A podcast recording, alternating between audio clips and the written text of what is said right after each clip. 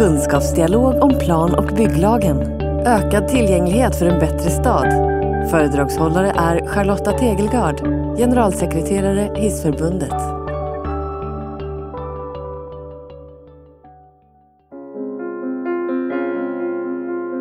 Malin vill också göra sandslott tillsammans med de andra barnen på dagis. Men hon sitter i rullstol och väldigt få sandlådor är tillgänglighetsanpassade. Därför kan hon bara titta på. Det är inte tillgänglighet för alla. Jonna har varit med om en skidolycka.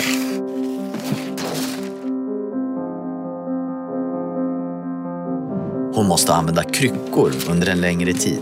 Hon har precis blivit erbjuden sitt drömjobb. Problemet är bara att byggnaden saknar hiss. Så Jonna kan ändå inte ta jobbet. Det är inte tillgänglighet för alla. Göran och Samira har bott i sin lägenhet i 50 år.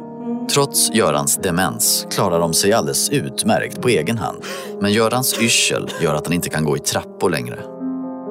Därför måste Samira och han nu dela på sig och flytta in på ett särskilt boende. Men om en hiss hade funnits hade de kunnat bo kvar tillsammans i flera år. Det är inte tillgänglighet för alla. Att installera en hiss är en av de viktigaste tillgänglighetsåtgärderna och gör stor skillnad för många. Ändå saknar fler än 70 000 trappuppgångar hiss i Sverige och av de som har hiss har väldigt många halvtrappa upp till hissen.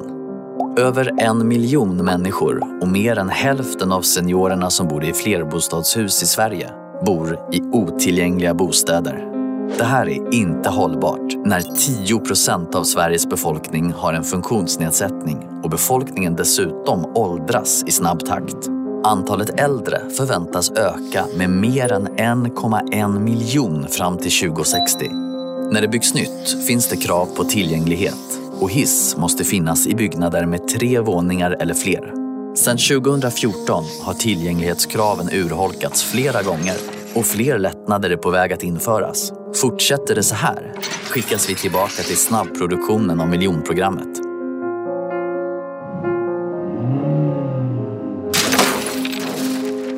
Det här är du. Det som inte fick hända hände just dig. Och nu, på mindre än en sekund, blev det självklart att tillgänglighet för alla behövdes redan igår.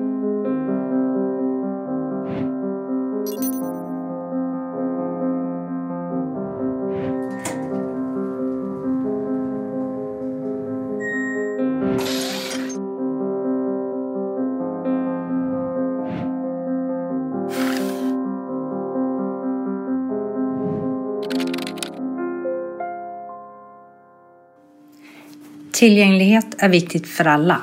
För barnfamiljer, äldre, personer med funktionsnedsättning och för de som är sjuka. Som vi hörde i inslaget finns det stora brister i tillgängligheten i Sverige som försämrar livskvaliteten, valfriheten och möjligheten till delaktighet för många i samhället, både barn och vuxna. Problem med tillgänglighet finns överallt, från lekplatsen, skolan, kollektivtrafiken, bostäderna till restaurangerna, affärerna och arbetslivet. Det kan vara svårt för personer utan funktionsnedsättning att föreställa sig hur det känns att inte kunna handla i den butiken, gå på det idrottsevenemang eller välja den bostad man önskar. Samtidigt är det just här en del av lösningen på dagens tillgänglighetsproblem ligger. Nämligen att samhället i stort inser att tillgänglighet angår oss alla och att alla vinner längten på att öka tillgängligheten. I denna kunskapsdialog skulle vi vilja diskutera vägar framåt för att skapa en bättre stad som tillgodoser alla människors behov genom att öka tillgängligheten. Fokus för diskussionen är på att hitta konkreta lösningar för att undvika att det trots tydliga regler fortfarande byggs in hinder i nya fastigheter.